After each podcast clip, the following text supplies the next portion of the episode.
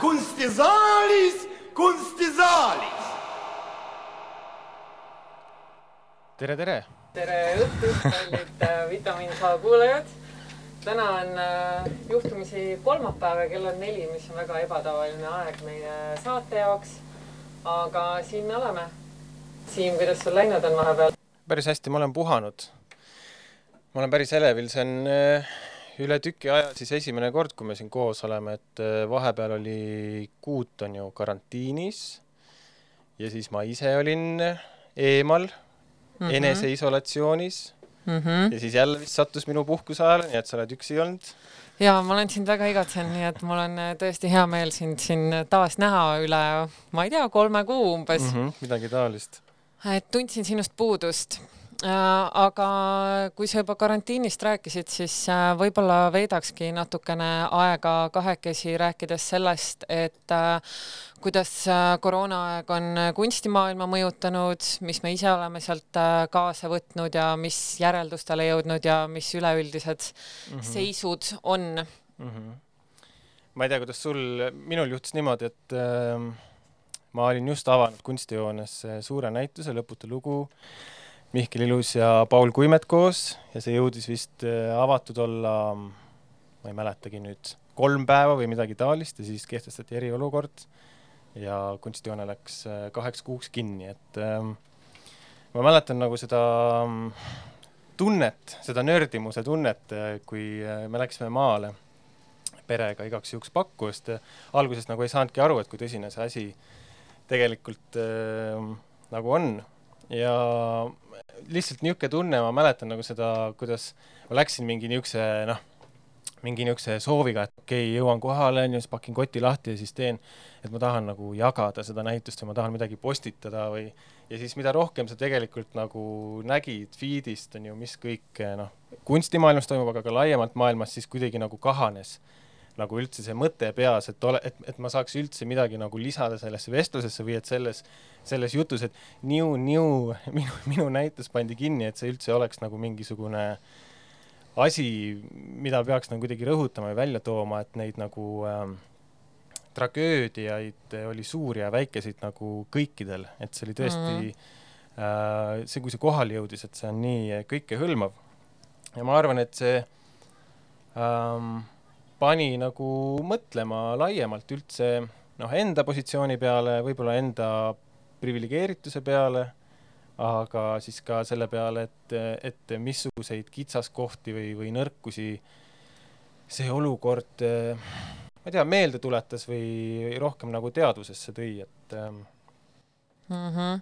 no mis minu jaoks on natukene problemaatiline või mille peale ma olen nagu kuidagi mõelnud, on see, et äh, hästi palju, eriti kui see kriis võib-olla alguse sai, siis räägiti sellest niisugusest koroonajärgsest maailmast ja ka uuest kunstimaailmast ja kuidas kõik äh, noh, nagu meetodid nii-öelda muutuvad siis näituseid ja, ja kunsti tehes, aga, ja ka näiteks turu mõttes ja kunstimessid on nii, et äh, kui ma nüüd täiesti aus olen, siis ma tegelikult ei näe selle, ma ei näe seda muutust ja ma ei mm -hmm. näe ka potentsiaali seda nagu tulema mm. -hmm. et mis minu jaoks võib-olla see koroonasituatsioon nagu õpetas või just esile tõi, see nagu õpetas on võib-olla vale sõna, aga midagi nagu kuidagi kinnistas ennast veel kord, et see niisugune sellele kapitalistlikule ühiskonnale, kus me elame, tegelikult ei olegi mingit alternatiivi, et, et nagu ja me ju praegu ka näeme kasvõi näiteks USA näitel, kuidas äh, tegelikult ikkagi nagu raha kaalub üle inimeste tervise huvid, et ikkagi ja noh,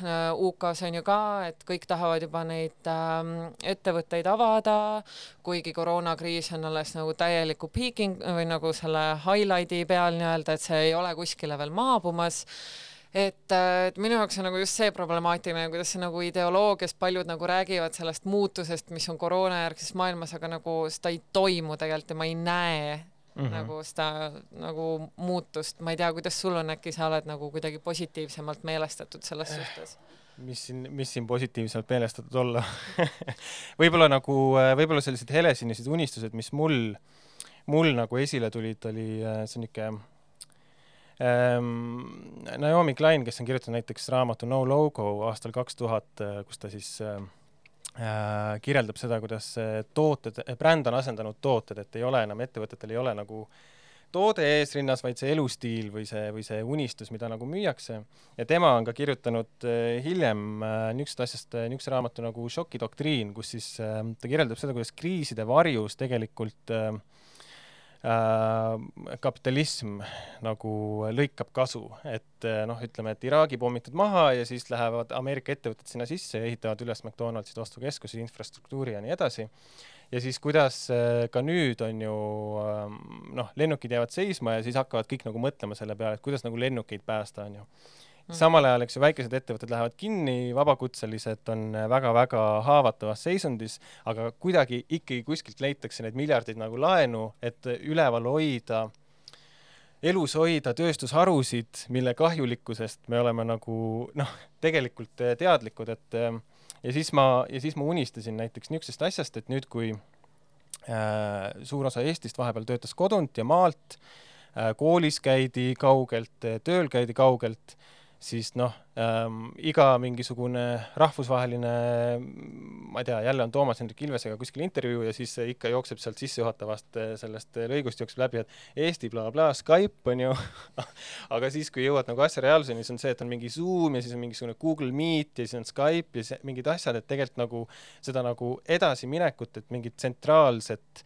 nagu niisugust ähm, paketti nagu ei eksisteeri, et, et väga lahe oleks see, kuidas äh, et kui, kui me nüüd nagu tõestasime selle lühikese ajaga, et tegelikult väga paljud asjad nagu seisma ei jäänud, väga paljud asjad kolisid veebi, ka kunstiasutused kolisid veebi, on ju, et tegelikult olid need oskused nagu olemas, kuidagi jätkata, inimestele sisu viia.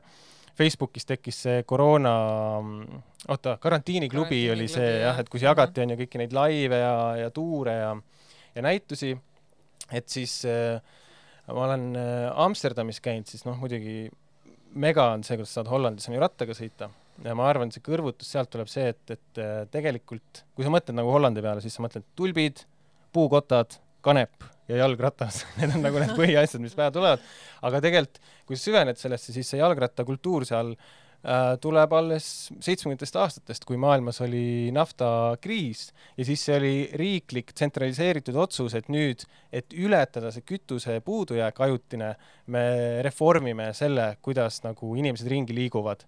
aga nüüdseks on sellest saanud nagu noh, trademark on ju, et see on mm. täiesti osa sealsest identiteedist ja samamoodi mõtle, kui põnev oleks mõelda selle peale niimoodi, et et kui äh, nagu see peab tulema ülevalt alla, see peab olema tsentraalselt organiseeritud, oleks olemas töövahendid õppimiseks ja töötamiseks, mis ongi struktureeritud, selged, et see ongi eraldi infrastruktuur ja järsku nagu noh, see saaks olla nagu see meie jalgratas, et et kui me oleme see digiriik, et siis me ka nagu loome need vahendid, et tööandjatel oleks nagu kuidagi võtta need valmis lahendused, et okei okay,, sa tahad kodunt töötada, siin on nagu see struktuur et see, seda muidugi eksisteerib igal pool, on ju, et äh, sa võid öelda selle peale, et noh, need asjad on olemas, et miks mitte seda lihtsalt ise teha, aga ma arvan, et see kuidagi initsiatiiv peab olema nagu suurem või, või, või üldisem. nojah, ja see eeldab nagu hästi palju usaldust ka tööandjate poolt ja üldiselt need on sellised eesrindlikumad ettevõtted, kes on nõus äh, nagu kodust äh, töötamist pakkuma ja nii edasi ja kuidagi mingisuguseid äh, nagu alternatiive pakkuma, et siiski tegelikult äh, põhiline osa maailmast kuulub suurkorporatsioonidele ja riigiasutustele, mis võib-olla on nagu natukene vähem paindlikumad. et ma arvan ka, et inimesed on väga leidlikud tegelikult äh, ja ettevõtted, aga ongi see, et äh, mulle tundub, et kuidagi ei taheta nagu rakendada kõiki neid äh, väga leidlikke meetodeid justkui kartes, et inimesele või töötajale jääb liiga palju vabadust iseenda üle või enda aja üle otsustada mm. -hmm. et ikkagi tahetakse nagu mingit niisugust ähm,, ma ei tea, nööri peal käimist natukene kaudselt mm. -hmm aga, aga jah, kunstimaailmast rääkides ja karantiiniklubist, mis äh, Facebookis ma ise ka jälgisin seda gruppi suure huviga, aga mulle natukene tekitas küll ärevust see online'is olemine ja kuidagi see, et järsku paisati sulle väga suur hulk äh, erinevaid näituseid äh, online'i mis on nagu research'i mõttes ja andmebaasi ja arhiivi mõttes on see super, on ju, aga, aga samas nagu näituse kogemise mõttes minu meelest see ikkagi ei ole nagu see formaat, et kõik näitused ei ole nagu veebiformaadid. et üks asi, mida ma kindlasti nagu ise siit sellest koroona ajast kaasa võtan, on see, et ma olen täiesti veendunud, et füüsilised näitused ei sure välja nagu kindlasti mitte, sest et sest et see on noh, kuidagi see on nii kogemuslik maailm ja muidugi sa saad selle info kätte ka veebi põhjal, aga, aga ikkagi see just kogu see kehaline ja tunnetuslik maailm, mis tegelikult väga paljudel kunstnikel nagu teostega kaasas käib, et seda kuidagi ei saa läbi veebi vähemalt veel anda ja tegelikult see on ka teema, mida ma natukene puudutan järgmises saate pooles äh, oma külalisega Darja Popolitovaga. et räägime natukene samadel teemadel mm. -hmm. noh, muidugi sama on ka selle äh, kunstijoone avalikustatud äh, virtuaalnäituste platvormiga, et, äh, et sellele ka hästi palju sai nagu seda tagasisidet, et jah, väga ilus ja tore, aga noh, see pole nagu see, on ju, ja noh, see, ma arvan, nende asjade ambitsioon ei olegi või ei tohikski olla asendada seda päris kogemust, aga kuidagi just mõelda nagu selle ligipääsetavuse peale ka mm, -hmm. et, et kui äh, kui nüüd kuidagi osata ka paralleelselt edasi luua seda sisu, sest et kui sa mõtled selle peale, et kui palju klikke võis tulla nüüd Eesti kunstile või üldse noh, kuhu, kuhu näitustele sa ise sattusid mm, -hmm. kuhu sa võib-olla alati nagu ei saa kohale minna, et vähemalt see selline teadlikkus ja külastatavus justkui rahvusvahelisel tasandil või ka lihtsalt nende inimeste poolt, kes eh, erinevatel põhjustel ei ole lihtsalt nii liikuvad, et no, ma sain, ma sain oma vanaemale äh, kes eh, jah, pidi kaks kuud päris üksi olema oma Mustamäe mm. korteris, aga ta niikuinii ei liigu sealt välja, et mul oli võimalus talle saata link, et näed, et see on minu näitus ja siis noh, ta muidugi natuke pidi seal pusima, et eh, mis nuppudele vajutada mm. ja kuidas nagu edasi saab, aga põhimõtteliselt tal oli võimalik nagu näha, millega lapselaps, lapselaps tegeleb. aga võib-olla ma ei tea, ma, ma lihtsalt eh, kuidas sul endal oli, kas palk jäi alles nende, nende kuude ajaks äh,? jäi küll, no kuna ma olen tõesti olnud äh, Temnikovas nii-öelda ainus püsitöötaja väga-väga pikalt, siis äh, mul oli nagu suht kindel positsioon, et mind ei saanud nagu lahti lasta, aga, aga jah, muidugi see töövorm nagu muutus täielikult, aga kui sa oled ainuke töötaja, siis alati on mingid asjad, mis jäävad tegemata, nii et see oli nagu hea võimalus just keskenduda võib-olla Olgal lokaalsetele nagu kunstihuvilistele, kunstiostjatele ja siis äh, mina isiklikult tegelesin hästi palju just selle veebi ja andmebaasi ja arhiivi ja noh, selliste asjadega, millega sa lihtsalt ei jõua mm -hmm. nagu igapäevaselt tegeleda mm. -hmm. Kui sul on niisuguseid jooksvaid asju mega palju aga no muidugi meil jäi näiteks kaks äh, suurt kunstimessi ära, kus meil oli au, et me üldse sisse saime sinna, mis oli Freeze New York ja Art Basel.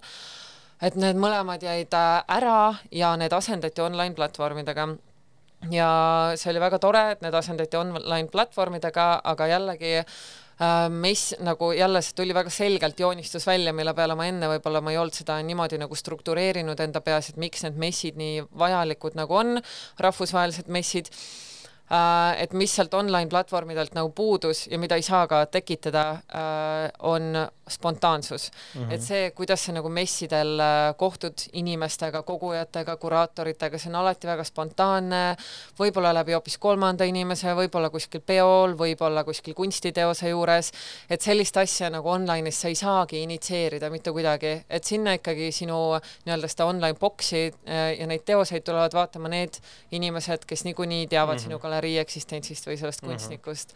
et jah, ma arvan, et üleüldse see, see online tulevad, formaat äh, teavad, mida nad otsima tulevad no, mitte kes juhuslikult mööda kõnnivad. jaa, et, äh, et jah, et see online formaat võib-olla välistab niisuguse juhuslikkuse või spontaansuse mm -hmm. nagu laiemas mõttes ka. jah, ma arvan, äh, ma ise nojah, täpselt, ma küsin sult selle palga pärast, sest et, et ma ise jõudsin sinna maale ja siis, ja siis sain ka nagu aru sellest, et et see on hoopis teine positsioon, vabakutseline kunstitöötaja või kunstnik versus, versus kas meie. sinu palk jäi alles? mul jäi alles ja jah, muidugi kunstijoone sai toetust ka selle Töötukassa programmi kaudu, sest me kaotasime tegelikult piletitulu, et seal oli alust sealtkaudu hüvitise saamiseks, aga siiski nagu fakt oli selles, et mulle ta justkui oli see hashtag self-isolation puhkus mm. aga pigem, pigem siis nagu suurema huviga samal ajal just nagu jälgisin seda, et, et, et kuidas on, kuidas on teistel kunstnikel, üllatav ongi, üllatav on nagu, see on nagu raske raske nagu rääkida, sest et need kogemused on nii subjektiivsed ja neid lugusid on nii erinevaid. mõni kunstnik ütleb, et, et mitte midagi muutunud, et niikuinii on, niikuinii on nagu vilets see see nagu strukturaalne toetus, et, et see lihtsalt äh, kordas sedasama või et äh, ja mõni, mõni võttis seda lihtsalt jah, tasustamata puhkusena mm. -hmm. aga mm, huvitav on nüüd, ma ei tea, kas sul oli viimases Kulka voorus oli äh, mõni projekt sees, kuhu sa raha taotlesid, minul äh, Äh, kahel minu kureeritud projektil ka kunstnikud küsisid raha ja esimest korda juhtus siis see asi, et äh, et saadi alla pool, poole mm. küsitust. ja kui ma siis äh, küsisin nagu tausta, siis ongi see, et esiteks need toetused äh,, eristipendiumid, mis siis Kulka andis välja, eks ju, koroonakriisi ajal, et leevendada siis äh, loovisikute, loovisikute lööki Äh, tuleb tegelikult sellest samast potist mm, -hmm. nii et siis nüüd aasta lõpuni ülejäänud jaotused on selle võrra väiksemad. Ja teistpidi ka, eks ju, maksulaekumine on vähenenud, et äh, päris põnev oli, kahju, et äh, ma ei leidnud nagu kuskilt niisugust Excelit, et saaksid nagu alla tõmmata ja siis summad kähku kokku luua, lüüa, luu-, lüüa ja võrrelda neid erinevaid sihtkapitale. aga noh, näiteks äh, etenduskunstidel on keskmine toetus küll väiksem, mingi viissada, viissada eurot on see kõige tavalisem, kunstides oli umbes tuhat, aga jälle etenduskunstnike, etenduskunstides oli neid eraisikuid, kes toetusi said, oli ikka mitu korda rohkem. Ja eriti nii-öelda jõukas oli siis tegelikult eh, rahvakultuur, kus need toetused olid tuhat viissada, tuhat kaheksasada, midagi mm. taolist. et eh, nüüd, kui ehm, eks ju, Kertu Saks eh, jätkab Kulka juhina, see oli huvitav, ma lihtsalt märkasin selle intervjuus, ta ütles ka, et et neil on kavas, Kulkal on kavas kaardistada siis ähm, kuidas öelda, kultuurivälja võimaluste ja vajaduste kaardistamine on siis mm. neil kavas, et äh, kuna vahendid ei jaotu sihtkapitalide vahel võrdselt, nii et siis tahaks loota, et, et, et, et sellel võiks olla nagu mingisugune selline tulemus, et äh, kunst on nagu selgelt alarahastatud ja lahendus, mulle ei tundu, et see lahendus peaks olema see, et noh, siis ongi lihtsalt vähem kunstnikke või midagi taolist. ei, ja ma arvan, et ka ei ole nagu lahendus tegelikult see, et ainult riigi toel nagu kunsti teha, et tegelikult mm. seda ikkagi peaks nagu integreerima inimestesse, vaatajatesse, et see on nagu, see on loogiline, et me oleme nagu piisavalt äh, noor riik, et meil ei ole seda kaasaegse kunsti kogumise kultuuri veel nii hullult äh, nii-öelda veres sees, kui on näiteks vanas Euroopas või USA-s, aga tegelikult on see nagu pool, kus ma näen seda arenemisvõimalust nagu päris, päris suurt arenemisvõimalust mm -hmm. nagu mhm. tõesti ja potentsiaali, et tegelikult äh, inimesi nagu rohkem kuidagi kaasaegse kunstini tuua ja ka inimesi, kes oleks nõus seda toetama eraviisiliselt, kas siis kunsti kogudes või siis teatud projekte toetamises ja nii edasi mm. -hmm et, et jah, et see niisugune kulka nagu paja ümber käimine ainult, et noh, et see ei ole ju ka tegelikult nagu jätkusuutlik mingis mõttes, samas muidugi nagu megasuur äh, pluss on see, et kulka üldse eksisteerib, sest et mõndades riikides ei ole sellist nagu süsteemi üldse, et see siiski tagab mingisuguse niisuguse äh, nagu aktiivsuse mm -hmm. kunstnikule ja ka selle, et noh, muidugi kõik kunstnikud ei ole nii kommertsiaalsed ja neid, neid absoluutselt mm -hmm. ei huvitagi see mm -hmm. kommertsiaalne pool, et seal on nagu mitmeid küsimusi. aga jah, ma arvan, et sinna nagu era, eraisikute ja eraettevõtete poole nagu tasub võib-olla nagu pikemas perspektiivis ka vaadata mm. -hmm. noh, Kulka püüdleb ka selle poole, et et saada mingisugune osa oma rahastusest tegelikult ju sponsorluse kaudu, et mm. et see, kui sa mõtled nagu selle peale, et see kulka rahastus tuleb, eks ju, tubaka ja alkoholi ja ja mängurluse pealt, siis noh, okei okay,, aktsiisid tõusevad, et siis võib-olla ka sissetulek tõuseb, aga ütleme, et et see ei saa olla nagu jätkusuutlik lahendus, et, et loodame, et inimesed joovad mm. ja mängi ja käivad kasiinodes rohkem, et siis ka meie kunst saab nagu kasvada, et see et seal peab toimuma ka mingisugune muutus nagu pika, pikema aja jooksul aga noh, sa ütlesid, et äh, oli selline üledoos nagu siis võib-olla nendest äh, netti laekunud asjadest. Mm, -hmm. mina selle peale vastuseks ütleks, et minul on see üledoos juba ammu olnud, et see, et see lihtsalt ta võib-olla muutus nagu paljudele äh, selgemini nähtavaks, sest et ta kõik tuli sinnasamma Facebooki feed'i sisse, aga muidu varem ei ole see ju olnud mingi probleem, et iga teater õhtul kell seitse alati etendus, on ju mm.. aga mm. siis, ja siis sa lähed sinna, kus sa lähed, sa ei peagi mõtlema selle peale, et mis mujal samal ajal toimub, aga kui see kõik nagu plingib sul on ju ekraanil, siis sa muidugi kuidagi muutud sellest rohkem teadlikuks. jah, selles on sul õigus jah, et see kuidagi see hierarhia nagu, et tavaliselt sul on mingi siuksed hierarhiad võib-olla peas ja, ja et, et mi, mis sind nagu rohkem huvitab ja mitte ja mingitele asjad, mingid asjad üldse ei jõuagi sinuni, aga siis jah, kuidagi see kõik nagu niimoodi horisontaalselt kuidagi oli seal äh, niimoodi püsti mm. -hmm kõik asjad, et kas sa äh, oskad välja tuua oma lemmiku äh, kriisiaegse mingi neti, kunsti või kultuuri kogemuse? minu lemmik mm. oli äh, Skulpakuu näitus veebis, et Skulpakuu on siis EKA skulptuuriosakonna algatatud selline festivali formaat, mis ta esimest korda toimus kaheksateist aastal Vanas EKA galeriis seal Vabaduse väljakus kel-, Vabaduse väljaku keldris, aga nüüd neil pidi olema Brüsselis näitus ja noh, umbes niimoodi oligi, et ma ei mäleta, võib-olla ma eksin siin pluss-miinus paar päeva, aga umbes kolmteist märts või midagi pidi olema avamine ja siis, ja siis see kõik juhtuski ja siis, ja siis nad väga kiiresti reageerisid ja kolisid näitusega veebi ja kuidagi see lahendus on neil selline nagu Maci desktop, kus siis kõik aknad nagu plahvatavad sul lahti mm. umbes nagu viirus, vaata, ja siis sa saad nagu ükshaaval neid teoseid vaadata ja järjest neid ristikestest nagu kinni klõpsida, et ta oli niisugune suht leidlik, minimaalne nagu lahendus, väga kiire reageerimine nagu halvale olukorrale et ähm, ma ei tea, kas sul, sul on ka mõni see lemmik? kõlab hästi uh,. ma pean seda pärast vaatama, sest et ma ei ole sellega tutvunud, aga selle leiabki skulpakuu.eu mm. -hmm okei okay,, selge, check-in järgi, vaadake teie ka, kes raadiot kuulate. aga tegelikult äh, minu lemmikformaat isegi tõesti nagu täiesti ausalt äh, oli, vähemalt üks neist oli Mailis Timmi kureeritud äh, näitus, mis eelmine saade kõlas ka meil siin raadios, mis oli oligi nagu kuulde, kuuldenäitus mm., et äh, see oli siuke kuueteistminutiline näitus, mis oli siis Mailis Timmi poolt kureeritud, kes on mu kursaõde EKA-s äh, ja seal osalesid kunstnikud Johannes Luik, äh, Reets, Reets Tšeung ja Maarja Tõnisson. Ja see oligi põhimõtteliselt raadioteater, ainult et kirjeldas teoseid. Ja mis mulle väga nagu meeldis selle juures oligi see, et see oli kuidagi noh, et see oli nii profilt produtseeritud, need olid päris nagu raadioteatri inimesed, kes seda sisse lugesid või tähendab, üks luges ja siis teised nagu produtseerisid ka. et see tõesti, et see ei olnud lihtsalt sihuke raadiosaade, kus me räägime nagu teoste ideedest mm, -hmm. vaid see oli nagu väga kuidagi sihuke kaasaviiv ja see oli tõesti väga-väga mõnus. tõesti soovitan kuulata mm,. aga halvim netinäituse kogemus minul kindlasti on äh, New Yorgi Guggenheimi virtuaalnäitus, mis mm. kasutab siis Google Street View platvormi, millega sa saad mööda seda spiraali oh. liikuda.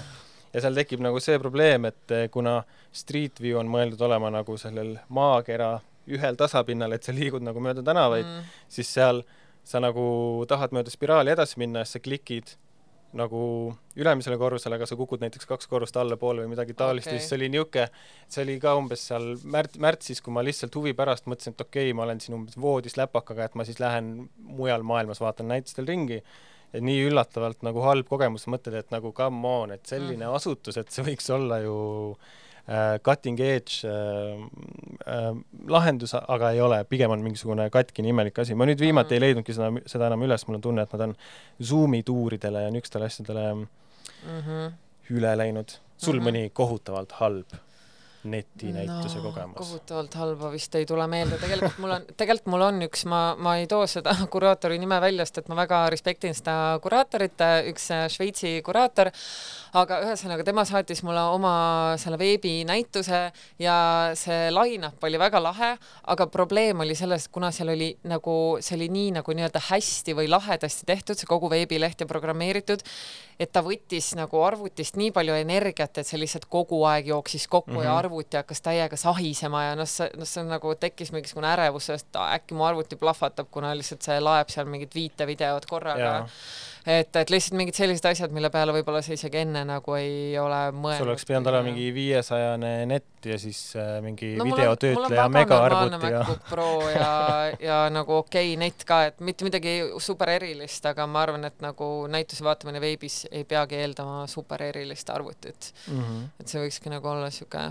kättesaadav okei okay,, mina, ma mõtlesin, ma räägin ühest näitusest ka, kus ma käisin, aga, aga ma arvan, et me võiksime sellest näitusest rääkida siis, kui sina oled ka seal käinud. Okay.. Ehm, ma lõpetuseks, kuna meil on ikkagi suvine hapukurgi hooaeg, siis ütleme nii, et see, see väikene järgmine, väike mõte mul võiks olla selline vitamiin K suvereporteri spetsial käisin äh, perega puhkamas äh, Narva-Jõesuus, see natukene tõmbab võib-olla selle Covidi teemaga kokku.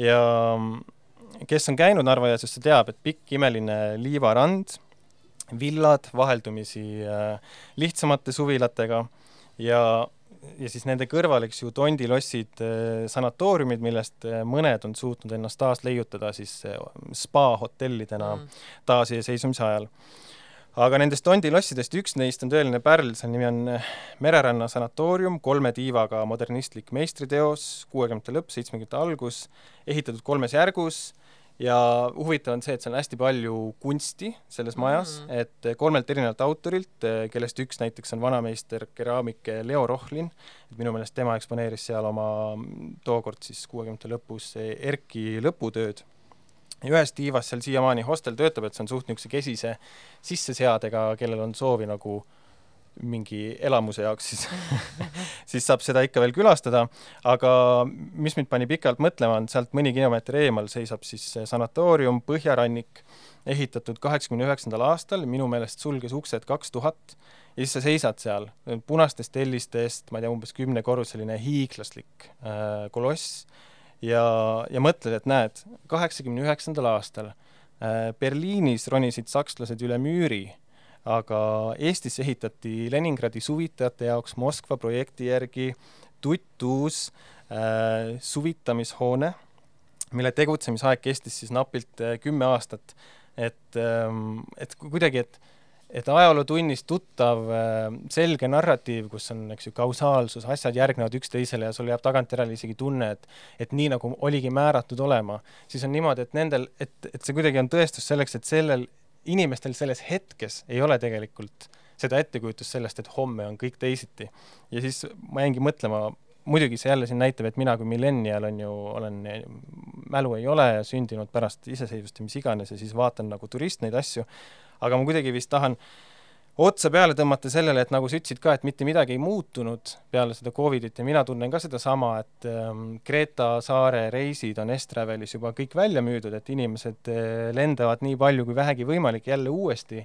et äh,, et siis vist, vist äh, isegi kui me tunneme ennast nagu elavat mingisuguses pidevalt kestvas kriisis ja kuidagi ootame, et nii, varsti see lõpeb või varsti see murdub, siis tegelikult seda ei olegi võimalik ette näha et eh, lihtsalt tagantjärele sa saad nagu hoobi kuklasse niimoodi, et eh, saabub see hetk, kus lennukid eh, jäävad seisma ja siis saad, ja siis, ja siis saavad kõik öelda, et näed, juhtus, mis juhtuma pidi.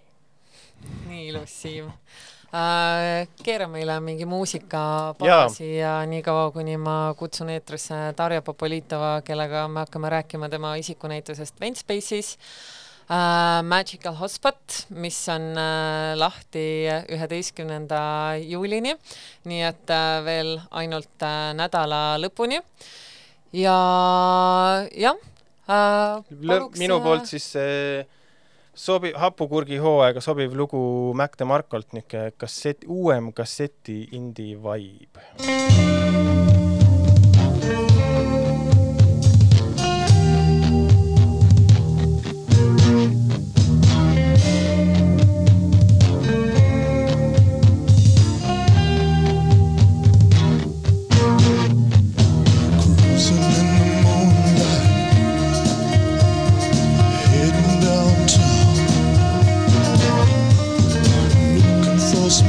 Let's go.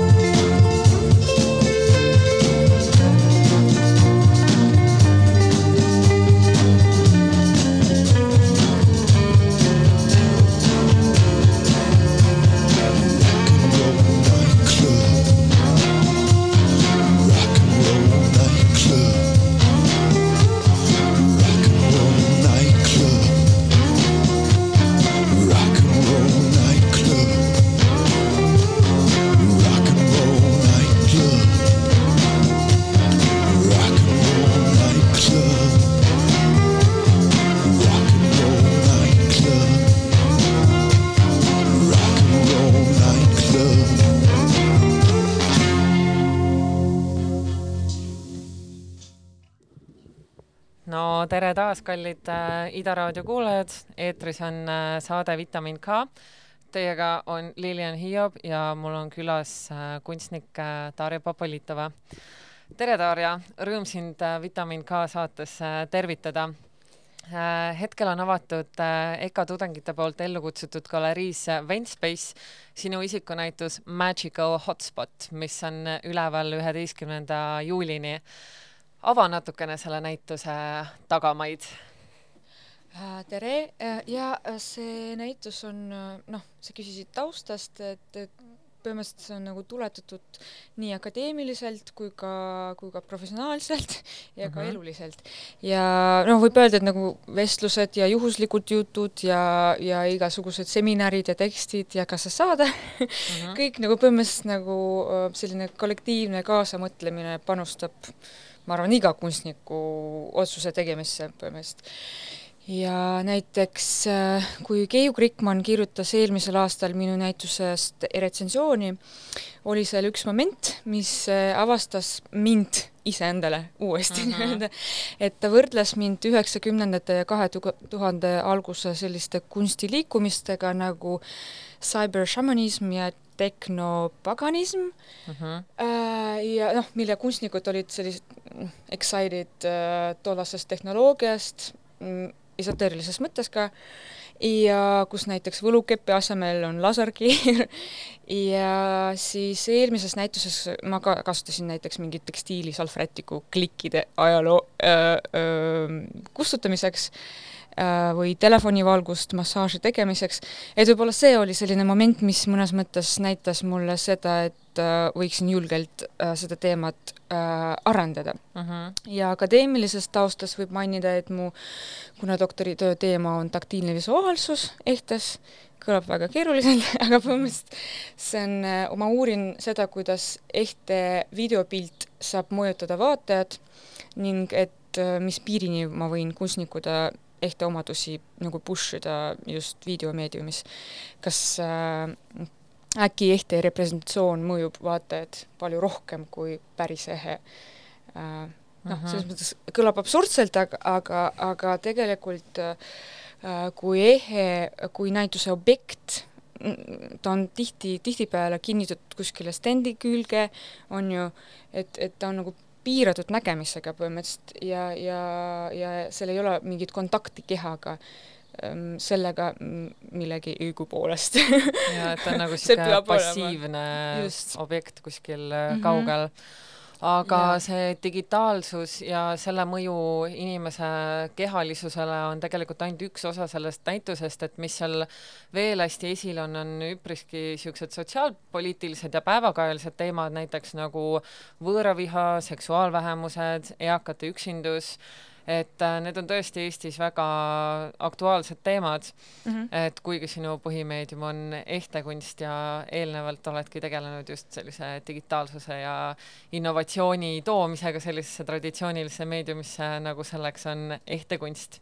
mm. -hmm. et äh, sotsiaalkriitiline ehe kõlab üpriski intrigeerivalt et äh, võib-olla ma küsiksingi mm -hmm. alustuseks sinu kui ehtekunstniku käest, et kas kaasaegses ehtekunstis on sotsiaalsed ja poliitilised teemad relevantsed, kas neist räägitakse äh,? jah, on, on palju kunstnikke, kes puudutavad ühiskonna teemasid nii vormiliselt kui ka sümboolselt äh, ja ka uurijana tegutsedes, näiteks äh, noh, mul tuleb meelde selline projekt mm,, äh, võetes arhetüüpseid, tead, Beijiku kujusid, need sellised äh, brossid, mis, mis määravad sinu rolli nagu kuskil festivalil, aa, ma olen nagu festivali mänedžer.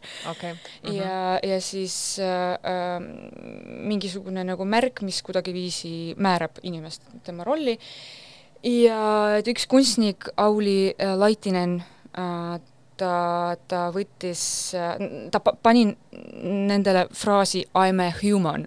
noh mm -hmm., viidates ilmselt nagu sellele, selle kaudu ka ksenofoobiale mõnes mõttes, et mm, -hmm. et me kui inimesed on harjunud määrata inimest tema rahvuse järgi ja, ja mm, ja või näiteks äh, Nana Melland valas hõbesõrmuseid, kasutades selleks äh, ameeriklaste poolt äh, välja andnud aastast tuhat üheksasada nelikümmend üheksa mänguasja, mis oli nagu sõrmuse kujul ja et, et niimoodi noh, manifesteerida aatomipommi ajastut uh. -huh. et, et noh, ja ta tegi, selle protsessi käigus ta tegi ka intervjuusid, kus, mis oli baseerunud ühe küsimuse põhjal.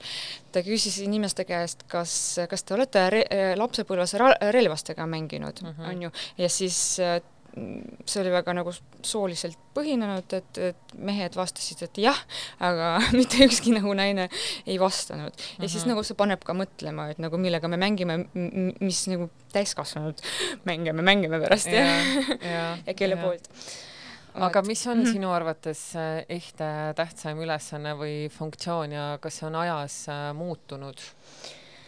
Um,? ja ma arvan, et see absoluutselt muutub aega, muutub ajaga ja ta on suhteliselt tundlik igasuguste kultuuriliste ja sotsiaalsete ja ka tehnoloogiliste muutustele uh,, muutuste suhtes uh,. ta on nii klass, klassi markeerija mm -hmm. tänu puhtale mm, selline monetaarsele mm, väärtusele, et, et materiaalsele väärtuse, väärtusele ja samas mm, noh, me näeme, et näiteks mm, need naised, kes, kellel on väga palju ehteid või nagu selliseid nagu kul-, noh, väärisehteid, see võib-olla ka mõnes mõttes paneb mõtlema, kes oli nende ehte provider ja selline, no mees kui mm, ehte provider naise kehale uh -huh, uh -huh. või äh, noh, järelikult ehe kui soolise vahe, vaheline markeerija ja ehe kui ajaloo markeerija, mul tuleb nagu hiljutine näide, et näiteks ma olen ise Sillamäelt pärit ja seal olid kaevandused uh, -huh. tee äh,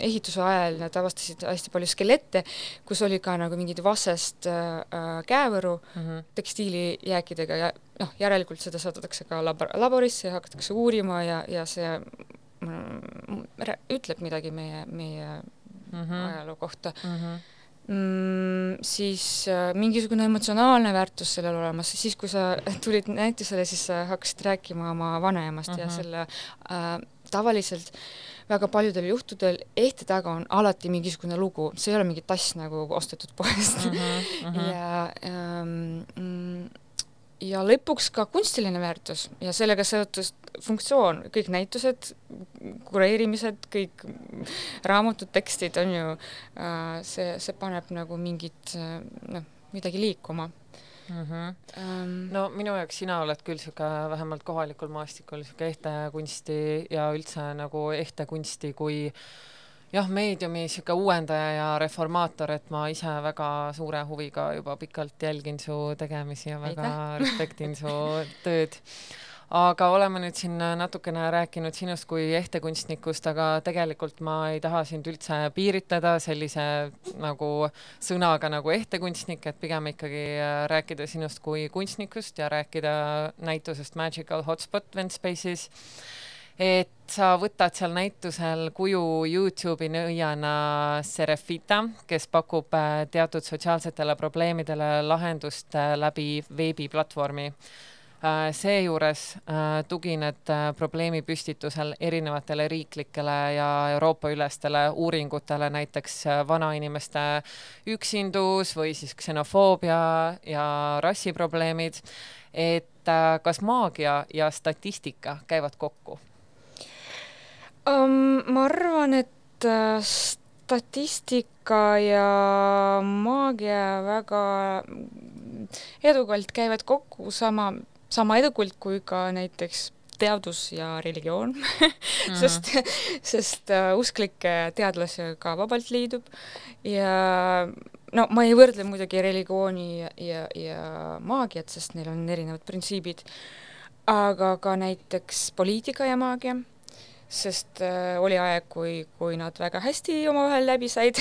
Näiteks äh, Anatoli Kašpirovski mm,, nendeks, kes tarbisid Vene meediat, võib-olla see nimi väga, väga, väga hästi tuttav, aga see inimene põhimõtteliselt nagu sai tuntuks televisiooni kaudu, ta aitas haigeid inimesi, võttis nagu valusid maha, inimesed lihtsalt laadisid oma vett oma telekate juures ja pärast iitseda ja, ja nagu noh, nagu mingit tervendavat eliksiiri. Mm -hmm. ja ta sai pärast äh, isegi Vene duumasse mm.. et ma ei tea, kas ta pani nagu Jeltsinit hüpnoosi või lihtsalt või, või Jeltsin kasutas tema teenuseid mis, mis see suhe oli, aga no miks ma seda küsin, on see, et minu jaoks, enda mm -hmm. jaoks on maagia olnud alati pigem hästi tundele põhinev praktika ja sihuke just sellised seletamatud jõud võib-olla, mis seal nagu mängima hakkavad, mis ei olegi kuidagi Excelisse tabelisse kirja pandavad üldse.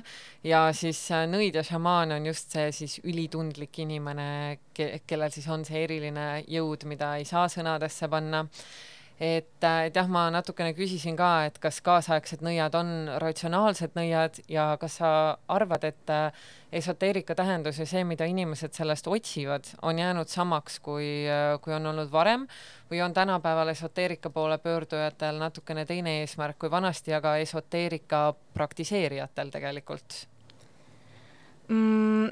no see on ka nagu küsimus, mis asi on ratsionaalne kas see on midagi, mis on nagu loogiline ja tead-, teaduslikult äh, äh põhinev või äh, see on midagi, mis annab nagu mingit isiklikut äh, selgust või arusaama ja kindla nagu jalgealuse ähm,. seega on ja väga keeruline muidugi anda sellele küsimusele mingit konkreetset vastust, aga mm,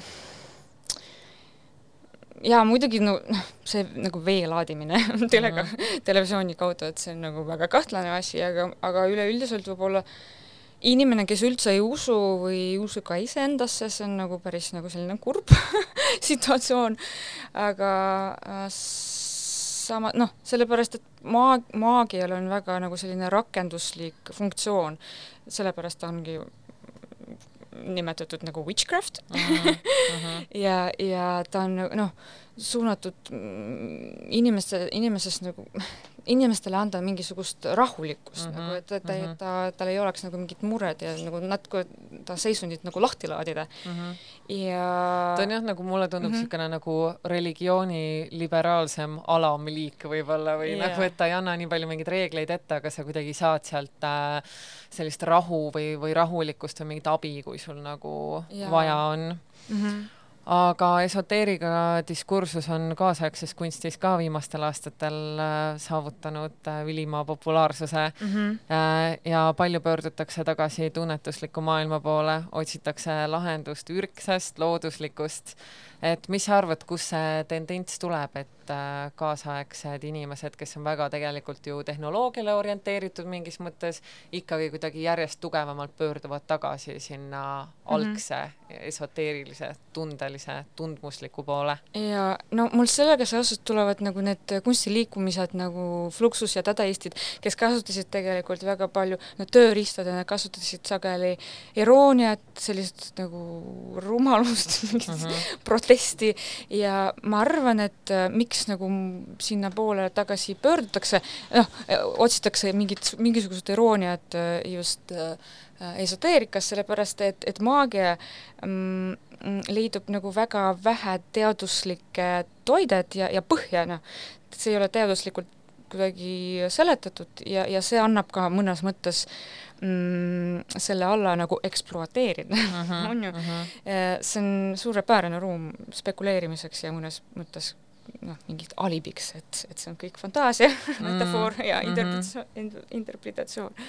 jah, äh, see jah, sa natukene mainisid ka seda ekspluateerimist võib-olla juba, et ma mõtlesin ka selle üle, et tegelikult palju võetakse üle just selle maagia ja esoteerilise maailma esteetikat mm, -hmm. kohati isegi mitte võib-olla liiga palju teemasse süvenedes või just kuidagi hästi nagu meelevaldselt seda interpreteerides Äh, ja teostes kasuta, kasutamises mm. -hmm. aga et kas sa näed ise selles probleemi, et võetakse selliseid esteetilisi nüansse sealt üle ilma mingisuguse suurema background'ita või siis äh, ma ise mõtlesin, et võib-olla see on nagu internetijärgses kunstimaailmas, kus igasugune hierarhia, algallikate, tehnika, käsitöö ja digitaalse vahel on täielikult minetatud et võib-olla see on lihtsalt paratamatu, et ka, et ka selline nagu esoteerikast mingite nüansside võtmine kuidagi tuleb sinna kunstimaailma mm. nagu juurde. no äh, ma näen ka võimalust selles mõttes, mm, sest ma mõtlesin, miks mina kasutasin näiteks nagu seda ähm, see oli nii vorm kui ka nagu tööriist selles mõttes, et mingisugune tööriist, mis annab nagu sellele Serafitale mingisugused võimed, mida, mille kaudu ta, ta saab oma ümbrust muuta ja, ja ka äh, sellepärast see on ka arhetüüpne ja see on väga äratuntav ja kui vaataja tuleb sinna, ta, ta, kõik teavad, mis asi on maagia, kes kes, kes on nõid äh, ja, ja kõik need sümbolid väga hästi töötavad ka äh,.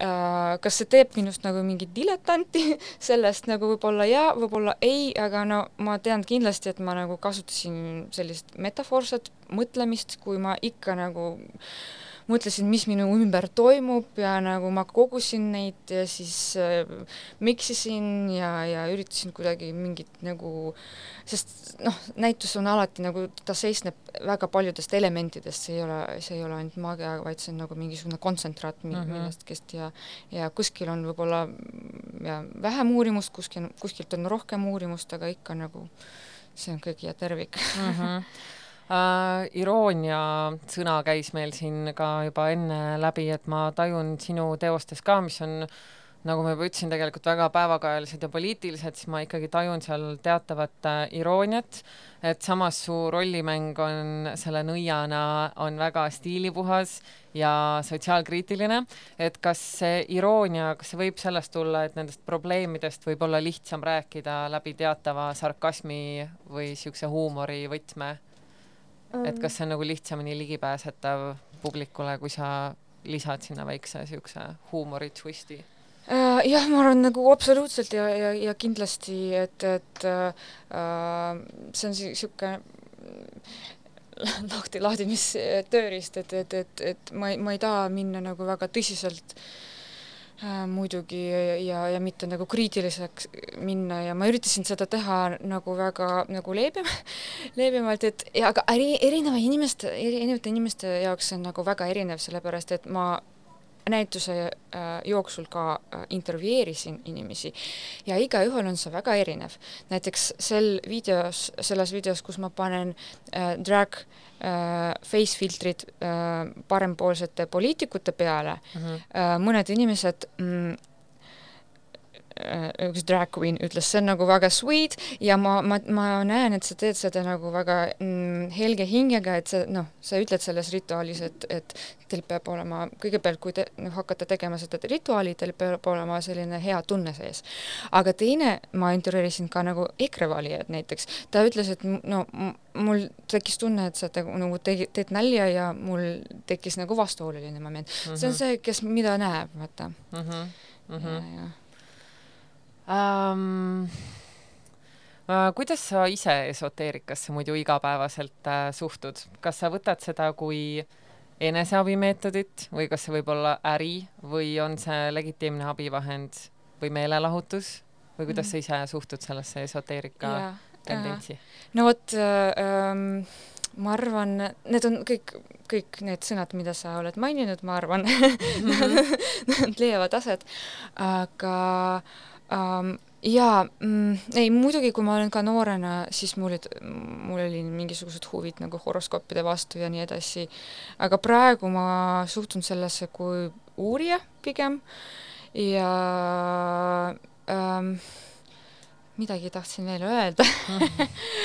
Um, mm, Läks meelest ära täiega. ja no ma ise arvan ka, et see esoteerika on kuidagi, et mingis mõttes, et selle üle on nagu hästi lihtne nalja heita ja ironiseerida mm., aga, aga samas tegelikult jah, et ta kindlasti pakub mingitele inimestele abi ja kui ma käisin su näitusel, siis sa ütlesid ka äh,, mis oli väga nunnu, et mingid inimesed tulidki reaalselt mm selle peale, et nad arvasid, et seal näitusel siis on päri, nii-öelda päris nõid, kes siis päriselt neile abi pakub mm.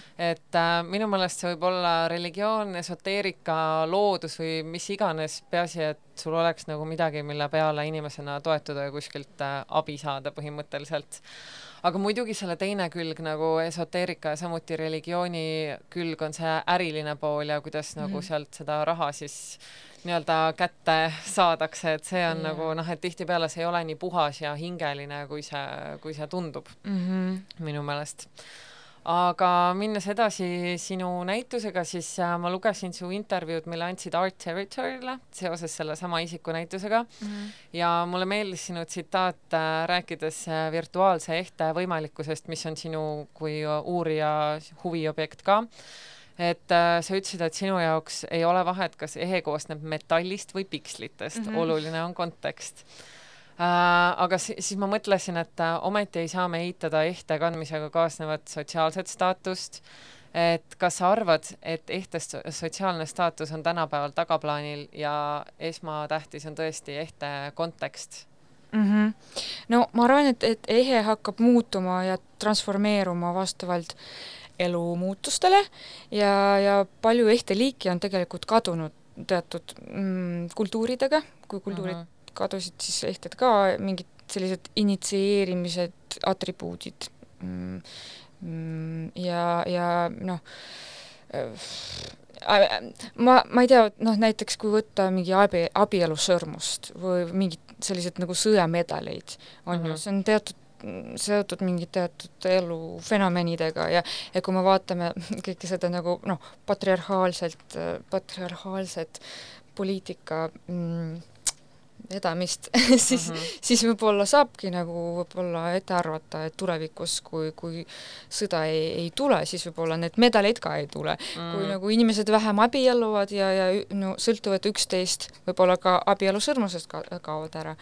et äh, ähm, ähm, jah, ma lihtsalt ise mõtlesin näiteks selle peale, et kui ähm, sellises äh, nagu ennustamismaailmas ja üldse ka tegelikult religioonis ja nii edasi, et sul on mingid talismannid, mida näiteks antakse ka kaasa selle sekti või selle inimese nagu jälgijatele, järgijatele, mis justkui peaks sulle nagu õnne tooma, on ju, või sind elus edasi aitama või kuidagi sind kaitsma et ma lihtsalt mõtlesin, et kuidas seda saaks äh, digitaalsesse vormi konverteerida ja mm. kas see oleks äh, võimalik ja kas sa arvad, et see võib olla tulevik, et kui ongi praegu on see Youtube'is on nõiad, on ju, kes pakuvadki sulle ennu-, ennustamist läbi Youtube'i kanali ja näiteks ka selline filmirežissöör nagu Alejandro Jodorowsky teeb ka taro ennustamisi läbi mm., läbi veebi et, et jah, et ma lihtsalt nagu kuidagi flirtisin selle ideega, et kas selline talismann äh, võiks ka virtuaalsel kujul eksisteerida niimoodi, et ta inimesi aitaks mm. -hmm. Mm. no ma arvan, et see, see oleks, kui see oleks virtuaalne, siis peab olema mingisugune keskkond, et, et, et see oleks nagu mingi avatari, avatari osa, et ähm, sinu online identiteeti kaunistus nii-öelda või, või noh mm, -hmm. ka, kaitse, kaitseehe või amulett ja mm, kuigi võib-olla mm, noh, see ehe võib-olla, võib võib ka mitte nagu tulukas olla või noh, selles mõttes, aga ka kutsuda mingisugust interaktsiooni teise inimesega, mis tegelikult mm -hmm. väga mhm. edukalt tehakse ka Instagramis, kui mm -hmm. me mhm. näeme neid face filtre, snap mm, -hmm. snap mm -hmm. filtre mm, -hmm. et see on nagu natuke juba teine väärtus mm. -hmm. ja, ja pigem niisugune isiklik ja intiimne aga samaks, miks mitte mingi JPG ekraani taustaks näiteks mm -hmm, või mm -hmm. mingisugune sellised eksklusiivsed yeah. Äh, taustad, mida sa saad um. osta, aga see on ikkagi, on minu meelest see nagu staatuse sümboli või mingi grupi nagu niisugune, et noh, et, et ikka, et a la mingid inimesed, kes kannavad, oletame, H&M-i riideid, mingid inimesed, kes kannavad, ma ei tea, Gucci'd, kolmandad, kes kannavad, on ju, oletame, Live'it ja Augusti ja selliseid, on ju mm, -hmm. et sa juba nagu grupeerid endast, ennast kuskile teatud seltskonda, nende ja, otsustega, et siis tegelikult, et isegi kui see on nagu virtuaalne ehe, siis ikkagi mm. see nagu see tendents mingis mõttes ei kao sealt kuhugi, et ikkagi see nagu ja, ja et kui me näeme mingit online community't, nad on mm -hmm. ikka mhm. olemas ja nad on ikka nagu klassipõhiselt nagu jaotatud mm. -hmm. Mm -hmm. mõttes jaa ja., aga üks teema, mida sa ka oma doktoritöös analüüsid, on taktiilsuse võimalikkus läbi ekraani ehk siis füüsilise tunde tekkimine ilma reaalse objektita ja internetifenomen ASMR on seda teesi põhimõtteliselt tõestanud, et kehalise tunde tekitamine ilma, et peaksid ise situatsiooni läbi elama mm -hmm. või neid asju katsuma, et see on võimalik ja inimesed naudivad seda ja neil ASMR videotel on väga palju vaatamisi ja nii edasi et äh, ma mõtlesin, et mida selle fenomeniga siis nüüd edasi teha ja kuhu minu enda mõtted liiguvad ähm,, kuna need teemad on kajastatud ka sinu näitusel äh,, on see, et kas tehnikaga oleks võimalik ka aidata näiteks üksildasi vanainimesi või näiteks liikumispuudega inimesi, et näiteks ASMR stiilis videod just neile suunatud justkui teraapia vorm, mis paneks neid tundma aktsepteeritult kogukonda või siis ühiskonda integreeritult ja ka näiteks võimalus äh, mingeid situatsioone läbi elada, mida nad muidu kogeda ei saaks oma ebastandardse mm. füüsilise või vaimse seisundi tõttu. et tõesti, siis alates näiteks kogukonnaga koos lõkke ümber tantsimisest kuni dialoogi pidamiseni inimesega, kes tema muresid või rõõmusid nagu koos kuulaks, et kas sellel meediumil võiks olla inimesi liberaliseeriv funktsioon? no kõigepealt ma tahan öelda, et, et sinu see nagu küsimuse sees oli nagu nii palju juba vastuseid ja nii Jaa. palju variante, see on juba niivõrd nagu hõlmav. pall nagu Ja, ja. see on nagu noh, see pani ise nagu mind edasi mõtlema ja, ja s- no ma, ma vastan niimoodi, et ma tegelikult näen seda, et kuna ma kasutan oma näitust nagu eksperimendi platvormina mõnes mõttes ja ma nagu küsitlen inimesi, ma näen, kuidas mm, erinevad inimesed reageerivad videotele, näiteks äh, see video kiviga, kus ma toksin kivi ja siis nagu af- afirmatiivsel mm, sellisel moel ütlen, et ma, ma olen nagu inimeste jaoks nagu magnet, et, et ähm, ja see annab äh, ähm, lahti saada üksindusest äh, Mhm, pärast mhm. et s- need inimesed no mm, ütlevad, et, et näiteks nad, nad jagavad mulle oma, oma tunded, et mm, nagu I feel sorry for myself. no et see pani mind mõtlema, et kas ma olen nagu üksi, äkki ma pean nagu tegema sama rituaali. mõned hakkavad isegi nutma, saad aru. ja äh, et ma arvan, see on, see on vägagi nagu sellised visuaalid panevad inimesi äh, tundma mingisuguseid emotsioone äh, ja et, et vä- väga, väga jah. jaa, ei ma olen nõus, et see on täiesti jah, see on kuidagi väga fenomenaalne, kuidas äh, saab läbi interneti ja läbi videote tegelikult panna inimesi nagu füüsiliselt panna tundma mingeid tundeid um,. kahjuks meie eetriaeg hakkab äh, läbi saama, aga ma küsiksin sult ikkagi veel ühe viimase küsimuse, siis ma mängiksin ühte muusikapala, mis sa meile eetrisse kaasa tõid. et äh, kuna su näitus räägib ka marginaliseeritud äh, gruppidest, siis ma võib-olla teeksin oma minipanuse sellesse, et seda natukene vähendada ja küsiksin sinu soovitust äh, võib-olla mõne kunstniku või loovinimese või lihtsalt mõne uurija või kirjutaja kohta, kes tegutseb Eestis, aga millegipärast nagu alarepresenteeritud või kes võiks olla rohkem niisugune, kellele tähelepanu pöörata? Äh, tead, ma nii kaua mõtlesin sellest küsimusest ja tulin järeldusele, et ma tegelikult ei tunne nagu neid otseselt mm. -hmm. mulle meeldib, meeldivad väga palju noh, kunstnikud, keda ma jälgin näiteks Instagramis ja kelle looming tundub olevat selline naivistlik või niisugune artbrütilik Mm -hmm. aga nad ei pruugi Eestist olema või otseselt marginaliseeritud mm. -hmm. ja siis ma mõtlesin, damn, I am proud of the problem.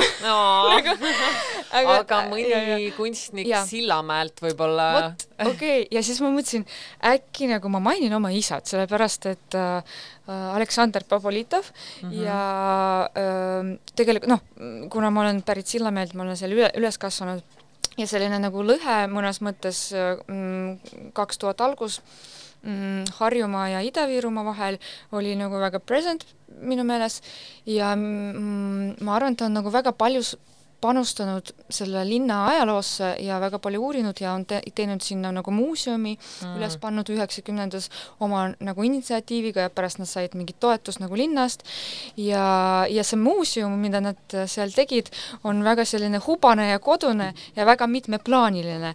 ühest küljest ta hakkas nagu uurima mis oli üheksateist, üheksateistkümnendal sajandil Sillamäega juhtumas, et see oli nagu kuurortlinn ja sinna nagu väga palju külastanud erinevaid nagu inimesi, näiteks akadeemik Pavlov tead nagu seda koertega eksperimenti, no igatahes see uh -huh. mingid nagu luuletajad ja, ja, ja igatahes muuseumis on nagu mingisugune äh, osa, mis puudutab Eesti talusid või nagu tolla, tollase nagu ähm, aega ja, ja ka pärast siis, kui linn äh, sai äh, linna staatuse, see oli viiskümmend seitse, äh, siis nad kogusid materjali selle kohta ja seal on eraldi ka ruum selleks ja ka on olemas mineraalide ruum nagu mineraalide mm. ruum on tegelikult nagu Tartus või ja mm, ja Eestis on nagu mingi kahte kok-, kaks kohta, aga ka Sillamäel olemas.